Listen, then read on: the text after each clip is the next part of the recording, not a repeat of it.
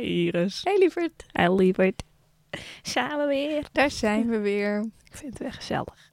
Hoi, wij zijn Iris en Laura. Al jaren bevriend en vanaf moment 1 vroegen we elkaar de oren van het lijf. Maar we weten nog steeds niet alles. We praten, We spelen, we dichten. we delen. Welkom bij De Zin in de Zin. De zin in de zin, de zin, de zin, de zin in de zin, de zin, de zin, de zin in de zin, de zin, de zin, de zin in de zin.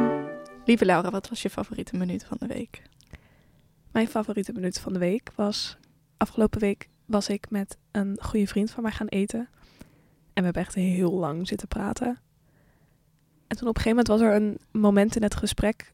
waar ik iets echt totaal niet begreep van wat hij deed. Of hoe hij handelde. En in eerste instantie had ik heel erg een, een, een visie over hoe, dat, hoe ik dat zou doen. En toen op een gegeven moment kwamen we daar doorheen. En toen kwam ik heel erg in een soort totaal vragende houding met... Hè, maar hoe zit dat dan? En toen gingen we het echt zo samen uitpluizen met waar komt dat dan door? En waar komt het door dat ik er anders naar kijk dan hij? En toen kwamen we in een soort... dat ik op, oprecht echt heel nieuwsgierig was naar hoe, die, hoe hij dacht en handelde en voelde. En daar vonden we elkaar heel erg in. Dus toen waren we even totaal in verbinding met elkaar. Omdat we totaal geen oordeel meer hadden over elkaar. Maar gewoon echt aan het kijken wa- waren met wie zit er tegenover mij. Dat vond ik heel fijn. Klinkt fijn, lieverd. Wat was jouw favoriete minuut van de week? Mijn favoriete minuut. Een ehm, vriendinnetje van mij. Zij woont in Israël. En ik laat even alle politieke discussies erbuiten. Het gaat even over mens tot mens. Hoe belangrijk het is om daar ook over te praten. Maar ik kreeg een spraakmemo van haar. Waarin ze vertelde dat ze over me had gedroomd. Dat ze naar Nederland kwam. En dat het hier sneeuwde. En dat we samen op allerlei tripjes gingen. En dat dat zo'n fijne droom was. En dat stuurde ze. En dat was heel. Toen ik dat geluisterd had, voelde ik me heel erg. Het raakte me heel erg, omdat ik dacht: oh ja, jij leeft in een wereld, waar, in een wereld waarin je wakker wordt en niet weet of de mensen waar jij van houdt er nog wel zijn. En dat is voor mij zo anders. En dat, dat raakte me, maar ik vond dat ook heel waardevol, want ik stond echt even stil bij dat ik zo blij ben met dat de mensen waarvan ik hou, dat ik daar niet eens over hoef na te denken of jullie er nog wel zijn. Ik werd er ook verdrietig van, maar ik vond het, ik, was ook dankbaar. Dus dat was een heel mooi moment. Heel bijzonder. Ja. En het ging goed met haar en dat vond ik ook fijn om te fijn. horen.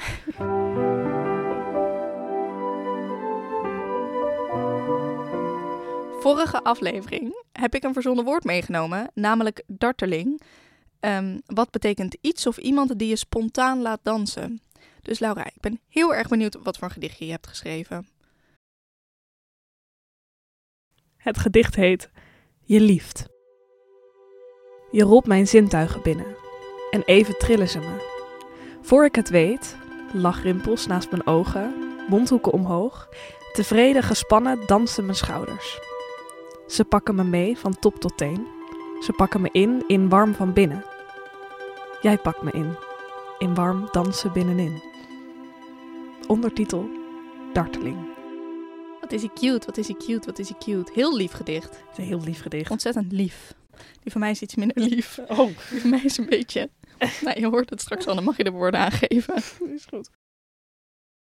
Een briefje voor mijn darteling. Hey darteling, mijn lieveling. Je dwingt me met mijn hoofd te draaien. Ik tuimel lust uitzaaiend met mijn mond door jouw structuur. Door jouw figuur borduurt mijn dansen. Mijn blik als strak centuur op wat mijn dartelen ontvlamt en slik je op. Lief darteling, je klinkt als hoe de stilte zingt. Ik snap wat je bedoelt. Ja, het is maar de vraag of, ja, als je het interpreteert als mens, dan is het misschien een beetje obsessief en creepy. Ik vind hem wel mooi. Maar ik vind hem inderdaad ook een beetje narig. Ergens.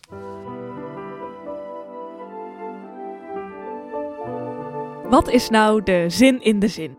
Elke week lezen wij ter voorbereiding een gedicht. En aan de hand van de inhoud bedenken wij beide een vraag voor de ander. Lieve Laura, mijn vraag voor jou is wie in jouw leven hebben je geleerd wat vrijheid is?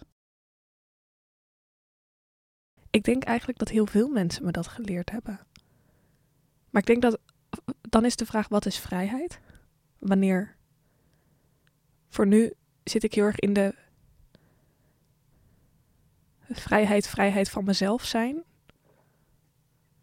Dus om wie, om vrij mezelf te zijn. Wat natuurlijk eigenlijk niet eens is wat vrijheid betekent. Alleen maar. maar dat ja, is een heel groot verschil natuurlijk. Vrijheid in jezelf, vrijheid tegenover de ander, vrijheid in de wereld. Ook letterlijk bijvoorbeeld dat wij een lezing hadden over ehm, Iran. En dat ik het besef moment dat ik kan dansen op straat. Dat is ook vrijheid.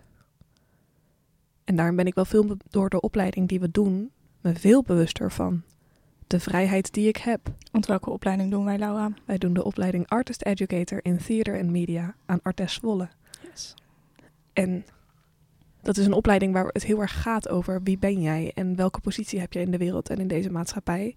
En wat gebeurt er in de wereld? Onder andere.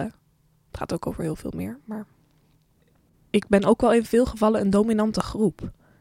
Ik, ik ben een wit iemand. Ik, oké, ik ben een vrouw. En tussen man en vrouw is vaak mhm. man de dominantere groep. Maar voor de rest kom ik uit het Westen, uit Europa en dan uit Nederland. Ik heb relatief welvarende, hoogopgeleide ouders. Daarin heb ik, omdat ik heel veel privilege heb, heb ik heel veel vrijheid. En heb ik de vrijheid om te kunnen zeggen: ik wil een kunstopleiding doen. Ik hoef niet te gaan werken direct na mijn middelbare school, omdat ik anders mijn ouders, omdat ik mijn ouders moet ondersteunen, omdat ze niet rondkomen. Ik kan überhaupt naar school. Dat is ook al heel veel vrijheid. Kun je je herinneren een moment dat je daar voor het eerst bewust van was? van die privilege? Mhm. Ik heb op verschillende momenten, denk ik. Vroeger, verhoudingswijs dus meer richting middelbare schooltijd, dat ik me daar ook al wel bewust van was in de zin dat ik wist dat er gebieden was waar oorlog was en dat ik dat niet heb. Dat, dat, dat hier geen oorlog is en dat ik daar heel veel dankbaar moet zijn voor de vrijheid die ik heb. Naarmate ik ouder word en naarmate ik dus daar meer, meer mee bezig ben, dat bewustzijn dieper wordt, dat ik dat meer begrijp. Omdat ik ook meer begrijp van wat, er, wat het kan zijn als het niet zo is. Als je geen vrijheid hebt. Al kunnen we daar ons natuurlijk ook niet volledig in inleven. Absoluut niet. Maar nu iets meer dan toen ik tiener was. Ja. In welke momenten van je leven voelde je je niet vrij?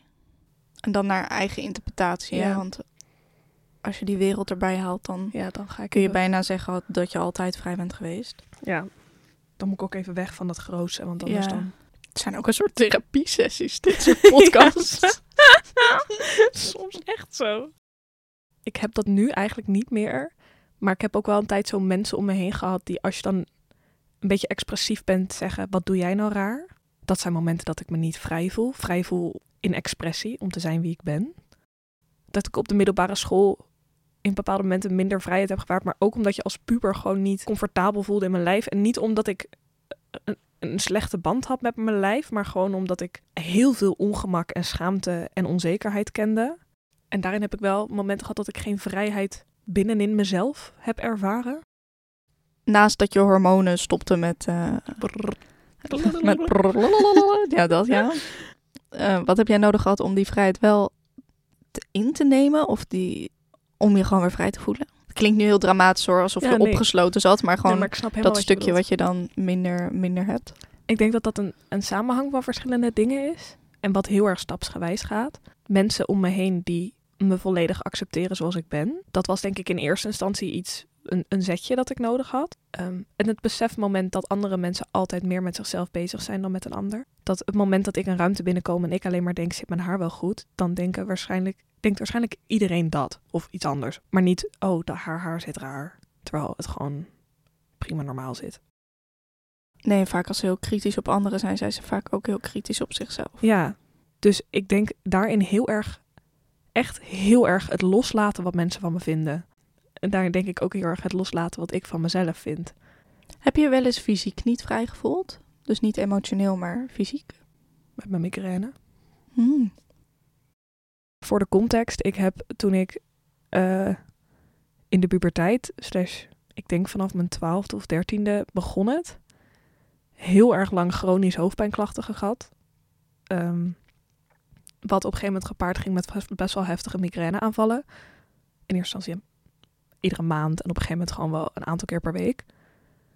Dat ik eh, fysiek gewoon niks kon. En daar heb ik me echt wel beperkt in gevoeld, omdat ik, ik ben eigenlijk eh, altijd een heel sportief iemand geweest. Ik hou heel veel van in beweging zijn. Maar op een gegeven moment was het op het punt dat ik eigenlijk, als ik 100 meter een sprintje trok, dat mijn lichaam gewoon zei nee. En dat ik gewoon oud ging van, nee, niet oud, maar dat ik migraine kreeg. Ja, en die aanvallen was je ook wel, ik moest jou echt, toen wij samen woonden, dan wat begeleiden naar je bed. Ja, ik kon, als ik echt een migraineaanval heb, ik, mijn hele evenwichtsorgaan zegt syntax error. en ehm, geluid en licht kan ik niet verdragen. Ik kan nog wel praten, maar heel veel meer dan een beetje sarcastische grappen komt er ook niet uit. Nee, ik wou net zeggen, je gaat altijd grapjes maken. Is dat een soort bevrijding? Ja, dat is echt het proberen lichter te maken dan het. want als ik mezelf dan ook nog heel zielig ga vinden, dat, daar heb ik niks aan. Het is dan maar een soort van, denk ik, nou, dan ga ik het maar grappig maken voor mezelf. Dus dat soort uitlaatklep. Het grapjes over maken. Maar ik heb me daar wel echt. Dat ik. Ik heb ook echt wel momenten gehad dat ik. Ik ben heel blij dat ik nooit in mijn. Nou, dat is niet waar. Ik heb wel eens in mijn eentje migraineaanvallen gehad op plekken dat ik dacht: dit is zo onhandig. Maar dat ik dan inderdaad op het station een migraineaanval kreeg met jou. En dat, dat ik dan gewoon dat jullie me naar huis hebben moeten tillen ongeveer, omdat ik gewoon amper kon lopen. Ja. En ook, ik heb heel lang kung gedaan en op een gegeven moment ben ik gestopt, omdat dat, ik trok het niet, de fysieke training. We hadden eerst altijd een uur kracht en harding of conditie en lenigheid. En ik trok dat gewoon niet, dat uur. Als het dan te fysiek intensief werd, dan kreeg ik, werd ik, kreeg ik heel erg hoofdpijn en dan kon het overstaan naar een migraineaanval. Wat deed dat? Ik heb het nooit gevraagd en ik vraag me heel erg af waarom we hier nooit over, over hebben gehad. Maar wat deed dat emotioneel met je? Want ik heb jou nooit, ik heb jou wel verdrietig gezien. Wel is dat je dacht van waarom heb ik nou zoveel hoofdpijn? Maar dat viel eigenlijk wel mee. Het was ook, we hadden het er niet veel over. Ik kon het soms wel aan je merken dat het er was, maar het, het werd heel erg buiten beschouwing gelaten of zo. Ik heb er echt heel veel van gebaald. Ik ben ook heel veel gefrustreerd over geweest.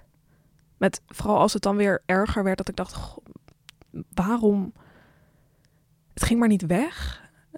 En het heeft ook echt, ik denk dat nu ongeveer een jaar geleden, of anderhalf jaar geleden, dat het langzaam af begon te nemen. En nu heb ik het nog zo in vlagen dat ik af en toe, als ik het heel druk heb, dan krijg ik gewoon echt weer. Dan heb ik gewoon weer een paar weken achter elkaar hoofdpijn en dan weer een migraineaanval. Maar dat gebeurt niet heel vaak meer. En ook dan blijft het meestal bij één migraineaanval, wat niet drie per week is. Ehm, dus, maar dan heeft het alsnog gewoon van mijn twaalfde tot mijn twintigste aangehouden. Dat is gewoon best lang. Iedere dag hoofdpijn. Maar wat heeft het emotioneel met me? Ja, ik ben er echt wel. Ik heb me heel erg hulpeloos erover gevoeld. Want ik ben ook wel naar de huisarts geweest. En dan de huisarts, in was het gewoon zo: oh ja, maar we kunnen niet direct, niet direct resultaat vinden. Dus wacht het maar even af. En gewoon een beetje ontkennen alsof het er niet was. En oh ja, het zal wel hormonaal zijn, dus het trekt wel weg. En op een gegeven moment wel iets intensiever naar gaan kijken. En ook foto's laten maken. Maar daar kwam gewoon steeds niks uit. En ik heb visio en allemaal dingen geprobeerd. Maar het werd gewoon steeds niet beter. op een gegeven moment had ik wel een soort punt dat ik gewoon dacht: ja, ik kan er wel heel erg over gaan balen. Maar het heeft geen zin. Het, geeft, het, het heeft geen zin. Het gaat niet weg. Ik moet het maar gewoon accepteren dat dit is wat het is. Dus ik heb ook echt op een gegeven moment maar gewoon mijn uiterste best gedaan om er niet meer bewust van te worden. Dat je in zo'n traject moet je dan vaak een hoofdpijndagboek bij, bijhouden. Dat je op moet schrijven wanneer je hoofdpijn had. Ik was daar heel slecht in, omdat ik me altijd heel erg mijn best deed om niet te letten op of, of op ik hoofdpijn had. Omdat het. Dat kost, zoveel, dat kost gewoon heel veel energie. Dus als ik dat dan weer bij moest houden, werd ik er ook chagrijnig van. Omdat ik dan dacht, ja, het is er weer. En dat ik iedere dag aan het eind van de dag een cijfer moest geven met hoe erg is het. Dat ik denk, ja, zeven, alweer. Hoe erg is het vandaag? Acht. Hoe erg is het vandaag? Zeven. Ja. En zorgde dat loslaten dan voor vrijheid? Het zorgt wel dat ik me, voor dat ik me er niet door liet leiden. Ik heb op een gegeven moment wel momenten gehad dat ik dat het me een beetje heb laten leiden daardoor. Maar dat ik niet die persoon met hoofdpijn was. En ik vond het daarin ook heel moeilijk als mensen me een aansteller noemden.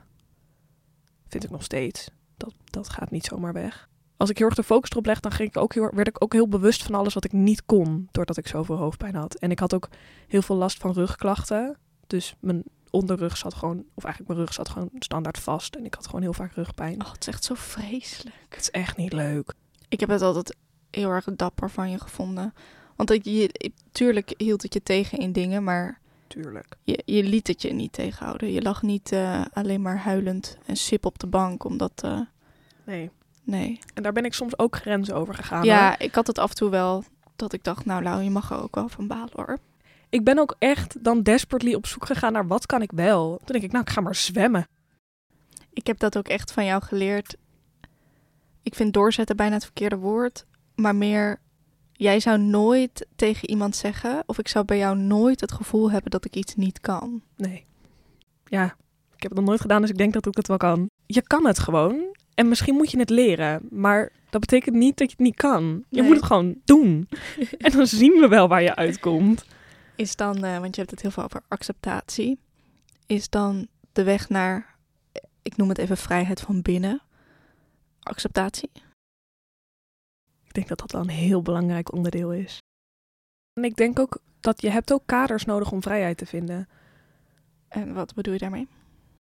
Ik moet denken aan mijn onderzoek. Wat, ik heb een onderzoek gedaan vorig jaar naar intrinsieke motivatie en hoe dat te stimuleren binnen onderwijs. Ehm, en daar werd heel erg voorbeelden gegeven van als je aan leerlingen een, of aan mensen de opdracht geeft met maak een presentatie over iets in de geschiedenis, is veel te breed. Dat je hebt kaders nodig om binnen het kaders vrijheid te kunnen vinden. Als je een onderzoek doet, dan is het veel beter om een hele specifieke onderzoeksvraag te, te formuleren en daar helemaal op in te duiken en dan te denken ik heb nog dit nodig en dit erbij nodig, dan als je gewoon een heel groot breed onderzoek gaat doen. Als je het Ehm, hebt over die acceptatie, is het natuurlijk ook op het moment dat je iets in een kader plaatst, dan kun je makkelijker je neerleggen bij de dingen die er al zijn. Anders moet je constant op zoek naar waar gaat het nou allemaal over. Ik denk dat jij meer. Oké, ik ga nu even iets invullen. Ik denk dat jij meer vrijheid ervaart als ik zeg: Laura, jij hebt hoofdpijn. Blijven we nu op de bank zitten of gaan we naar buiten? Dan als ik tegen jou zeg: Laura, wat gaan we doen? Ja, ik denk ook als mens heb je hokjes nodig. Net als dat, oh ja, we willen af van het hokjesdenken. Nee, we willen af van dat Oh ja, hokjes heb- de enige waarheid zijn. Ja, ja, oké. Ik wou net zeggen, ik Want heb die je- behoefte mensen- wel heel erg. ja, ja, ja, ja, maar we willen, we willen niet af van, nu overgeneraliseer ik hoor. Ja, maar ja, ja. Bij, het woord, bij het woord vrijheid moet ik ook direct denken nu aan open-minded mensen. Aan Hmm. vrij van denken, vrij indenken.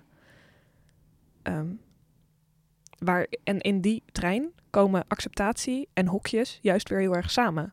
Ik denk zelf dat we niet af willen van het hokjesdenken. We willen af van het ge- gegeven dat de gedachte dat hokjes de enige waarheid zijn. Ik heb ook gewoon de angst voor dat mensen niet meer vragen... wat betekent dat hokje voor jou? Ja, Ja.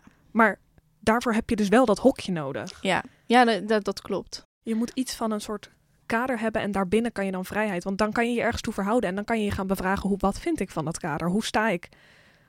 Hoe, hoe sta ik in dat kader? Waar sta ik ten opzichte van dat kader? En Ja, en is dat kader rond of vierkant? ja, rond de vierkant of wil ik een ander kader maken? Want dat is ook oké, maar dat kom je achter omdat je dat kader ziet. Het is ook, ik heb een hele sterke associatie met hokjes. Als in, hokjes betekent van alles, hè? Ja. Ehm, het zijn eigenlijk alle vooroordelen, plus alle observaties. Maar ik heb toch gewoon een hele eh, sterke associatie met ehm, seksualiteit, eh, genderidentiteit. Dat, dat is, het is veel breder dan Ja, dat. het is veel breder. Een kind een kader aanbieden bij een opdracht is dus eigenlijk ook een hokje, maar dat is even niet. Ik vind het woord hokje moeilijk. Ja, snap ik. kaders, structuur, Ja, zoiets. ik weet niet. Maar dan Nou, weten we in ieder geval waar we het over hebben. Ja. Want het, niet, het gaat niet alleen maar over die hokjes, Nee, over nee, hoe je iemand ziet. Nee, ik zit heel erg... We hebben, ik heb een keer een les gehad over intersectionaliteit.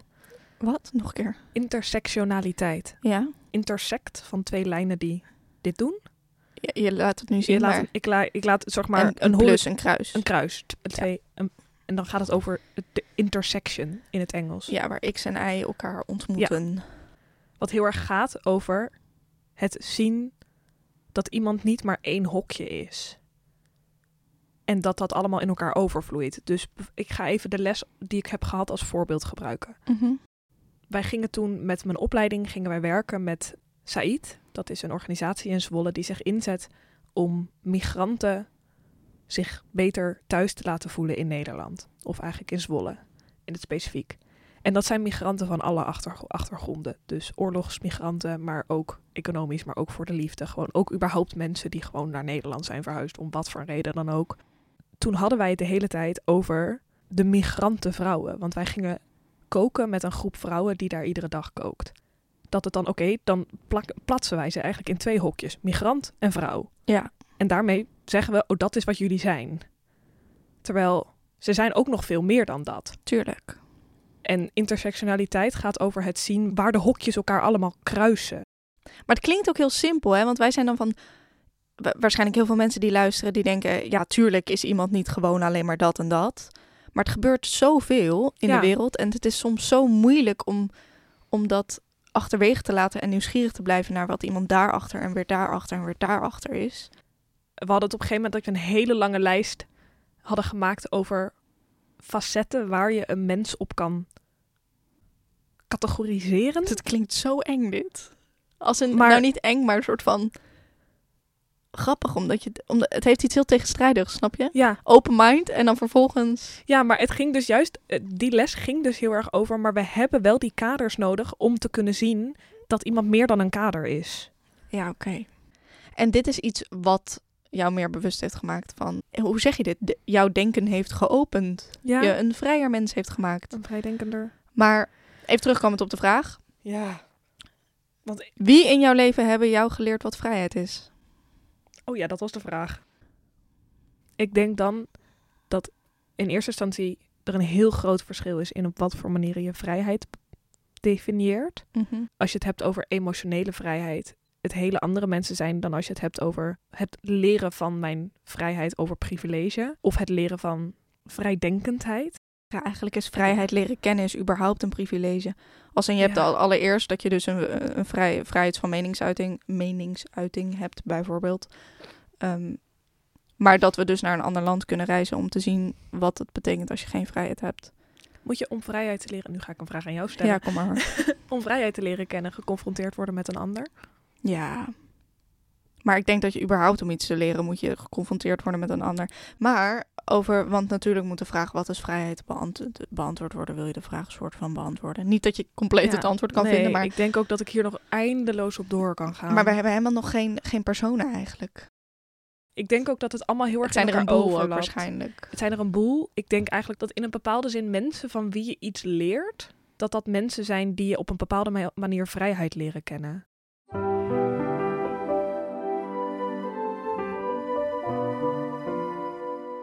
Heb een hele andere vraag. Wat leuk! Oké, Iris. Ja. Mijn vraag aan jou. Wat weerhoudt een mens van liefhebben?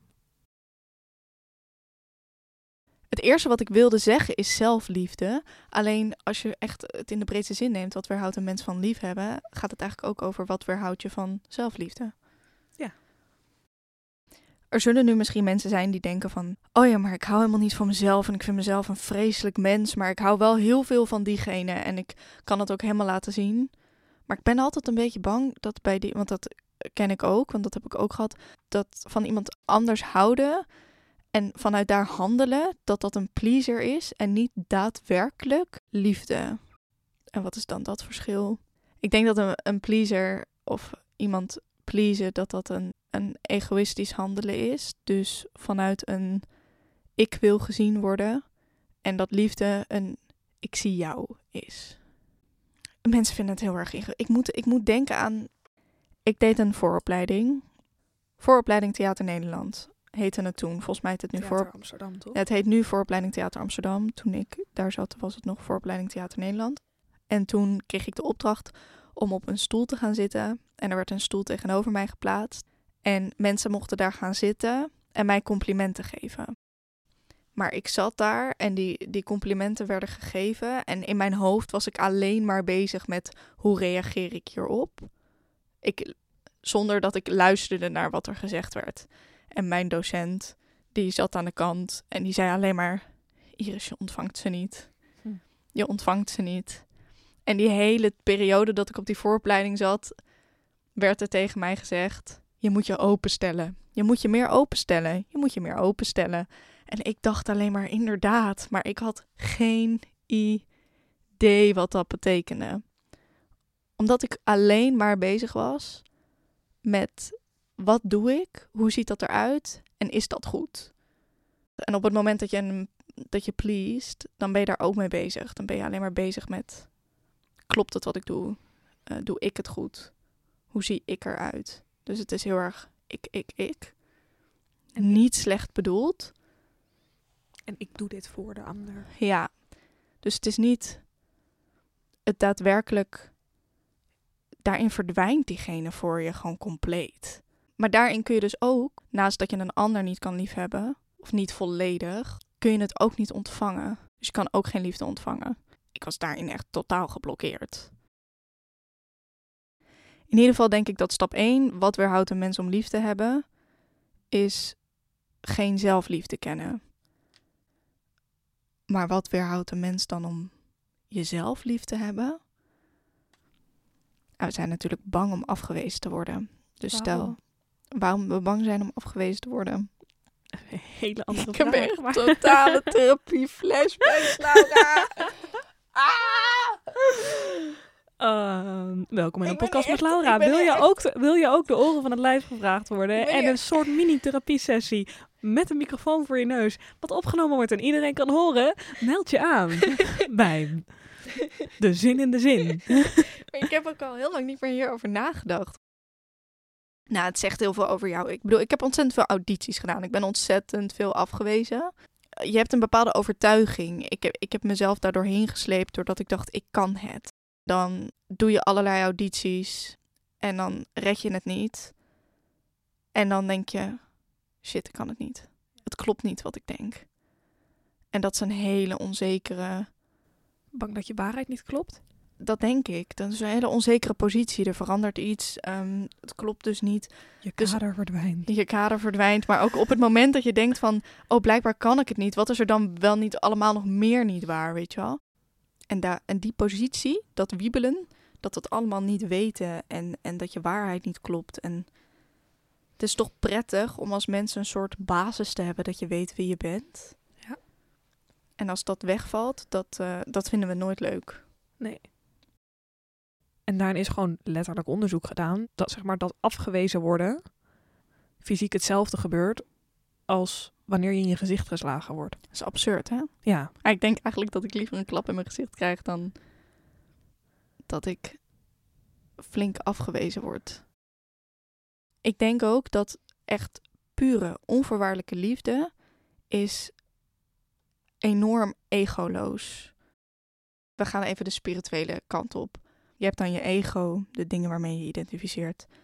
En je daadwerkelijke eh, essentie, ziel, God, whatever you want to call it. Dan is eigenlijk in heel veel religies en spirituele stromingen zijn ze ervan overtuigd. En ik, heb, ik weet nog even niet of ik het daarmee eens ben. Of ik weet ook niet of dat uitmaakt of ik het daarmee eens ben. Maar ik vind het wel interessant dat de enige weg om daarbij te komen liefde is. en dan iedere vorm van liefde. Dus romantische liefde, Ja, ja, ja. platonische liefde, liefde voor jezelf, liefde voor de wereld, liefde voor kleine dingen. Maar ik vind het wel weer leuk dat we... We hebben het nu weer over liefde. Liefde is natuurlijk ook mega ongrijpbaar. En ik, ik hoop heel erg dat ik mijn hele leven... dat ik dat kan leren kennen. Want ik denk dat je er nooit achter komt wat het precies betekent... of hoe het precies werkt. Waar ik echt onvoorwaardelijke liefde heb leren kennen, is bij familie en vriendschap en niet in relaties. Ik was wel leuk, ik zat gisteren in de gisteren, eergisteren in de trein. En eh, ik had dit gesprek met, eh, met een Ella, een vriendinnetje van ons. En die zei toen, ja maar als jij gewoon een relatie aangaat, gewoon die monogame relatie, dat is toch het voorbeeld van voorwaardelijke liefde. Ja. En toen zei ik, ja klopt. En Ja. zei ze, yes, ik ben, ik ben, ik ben, Maar ik vind Dat- dat, ook, want je, ik hou van je als je ehm, alleen maar met mij bent en als je bepaalde dingen doet en ik wil je bepaalde momenten va- vaak genoeg zien en als ik je niet vaak genoeg zie, dan wordt het ingewikkeld. Misschien kan het ook wel naast elkaar bestaan hoor. Want als ik aan mijn vorige relaties denk, dan is dat niet een plek waar ik onvoorwaardelijke liefde heb leren kennen.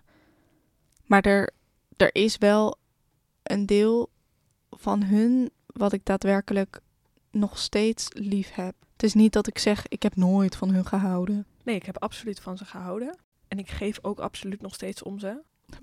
Sorry, ik zat even van mijn ex. Van jouw exen, Ja. absoluut. Je kan ook ervoor kiezen om niet met iemand te zijn terwijl je wel heel veel van iemand houdt. Dus dat je niet aan die voorwaarden kan voldoen om met elkaar te zijn, maar niet om met, van elkaar te houden. Dus ik kan zeggen: Ik hou van jou, maar ik wil niet mijn leven met jou delen. Maar het is niet: Ik hou van jou, maar op het moment dat jij op je hoofd gaat staan, dan hou ik niet meer van je. Die typische, would you still love me if I was a worm? Ja, als het onvoorwaardelijk is, jongens. You would, you would. Ik zou wel van je houden als je een worm was. Ja hoor, gezellig. Ik stop je in een potje. Ik ga het hele internet afstruinen hoe je het best voor een worm kan zorgen. You'll be fine. Ik neem je mee op reis. Ik zou zoveel tegen je praten. Ik was worm.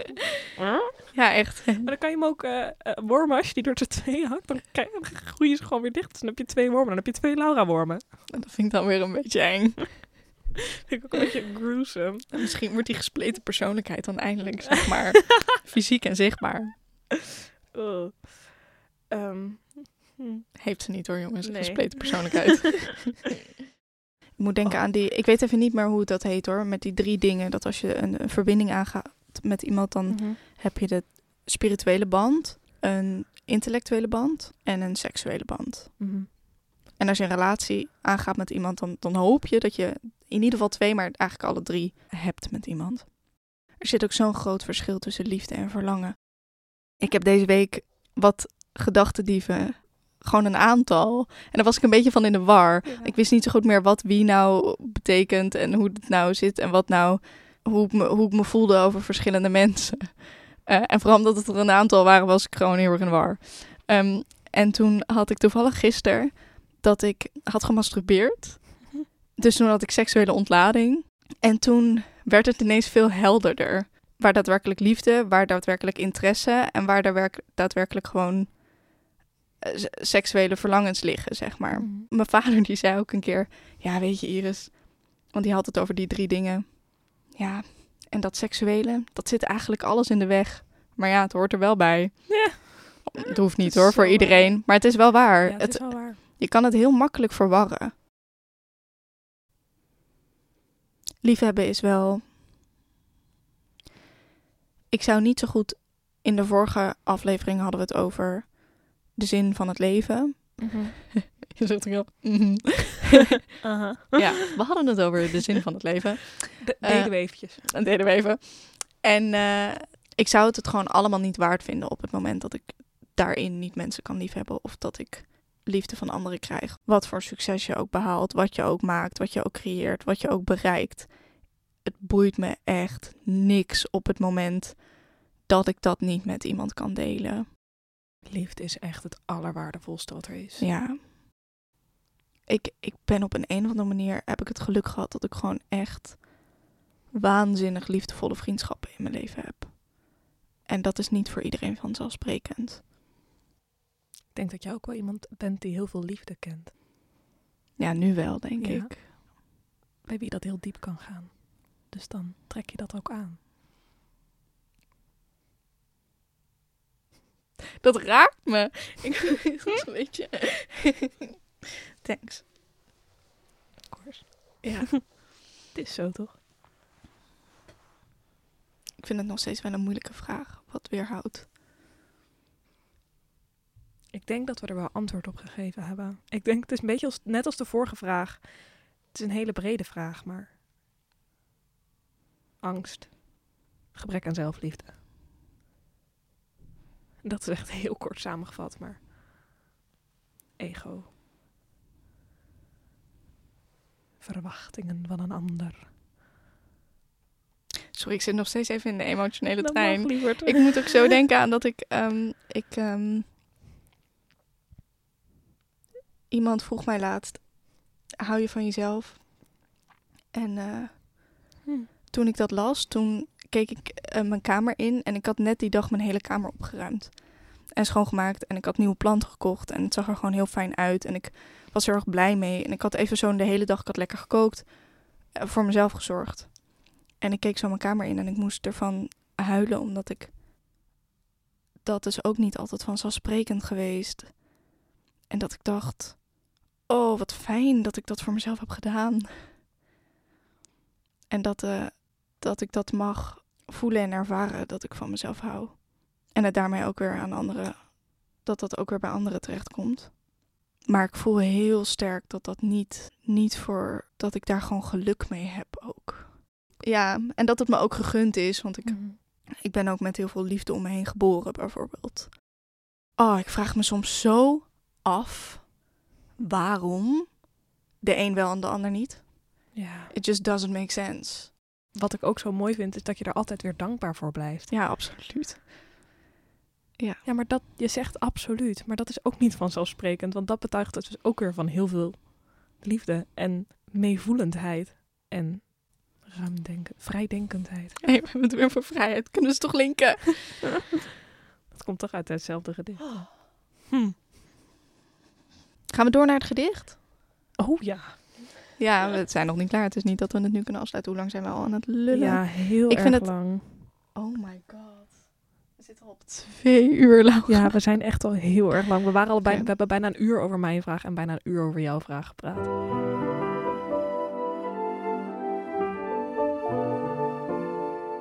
Het gedicht waaruit de vragen zijn ontstaan is uit de bundel Op de schouders van reuzinnen van dichter. Je hebt hier een abonnement op, dus Dichter is een bedrijf dat eh, zich heel erg bezighoudt met taal. En ze hebben dus ook, tijdschrift is niet het goede woord, het boekje Dichter. En daar kan je een abonnement op nemen en dan krijg je vier keer per jaar een dichtbundel over een thema. En dat is dan een verzameling van allemaal verschillende dichters die iets geschreven hebben over dat thema. En daar is dan vormgegeven met illustraties. En dit is dus een uitgave over op de schouders van sterke vrouwen. eh, de dichtbundel heet Op de schouders van reuzinnen. Dat was het. En het zijn meer dan 45 gedichten van meer dan 30 dichters over vrouwen aan wie je gerust een voorbeeld kunt nemen. Ja. En het gedicht die wij voor deze aflevering hebben uitgekozen is geschreven door Iris Lerute, als ik het goed uitspreek. En is geschreven over of geïnspireerd op het leven van Frida Kahlo. Het gedicht heet Liefdesknoop. Kijk, haar ene schouder draagt een aap, de andere een zachte panterkat. Achter zijn ogen gloeit goudachtig licht. Haar fluwelen vrienden doorzien de duistere wildernis waarin zij leeft. Eén ketting van rozendoornen houdt haar gevangen, prikt en steekt. Uit haar hals drupt rozenrood. Een vogeltje dat net komt aangevlogen probeert de liefdesknoop om haar keel en hart te ontwarren. Zie toch hoe teer en weerloos vrijheid is. En hoe pijnlijk broos de liefde die steeds weer, steeds weer zo bezeert.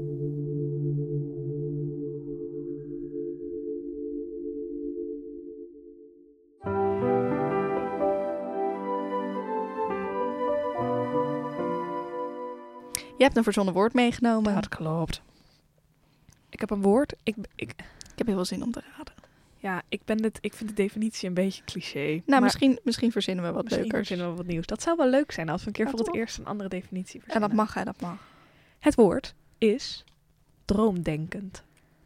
Droomdenkend. Dus het is niet droomdenken. Nee, droomdenkend. Droomdenkend. Ja. Bestaat het woord niet? Nee. Droomdenkend. Ik, het eerste waar ik aan moet denken is gewoon een ander woord voor dagdromen. Dat zal het wel niet zijn. Ehm, dat je ergens van droomt en daarover nadenkt. Ehm, of misschien dat je, dat je denkt op een manier die totaal warrig is. Dus dat dingen eigenlijk niet bij elkaar kloppen. Dat het, dat het op een bepaalde manier eh, niet logisch is in vorm. Want dromen zijn vaak niet logisch in vorm. En dan ben je aan het droomdenkend aan het denken. Precies. Het is een soort surrealistische denkwijze. Droomdenken. Ik kan hier zo nu, weet je, ik ben een expert. En ik kom jou even vertellen wat droomdenkend is. Dank. Kom maar op. nee, maar dus die lijkt me wel leuk. Een soort surrealistische manier van. ehm, of droomdenkend kan ook zijn. Ik zit nu even in een surrealisme stroom.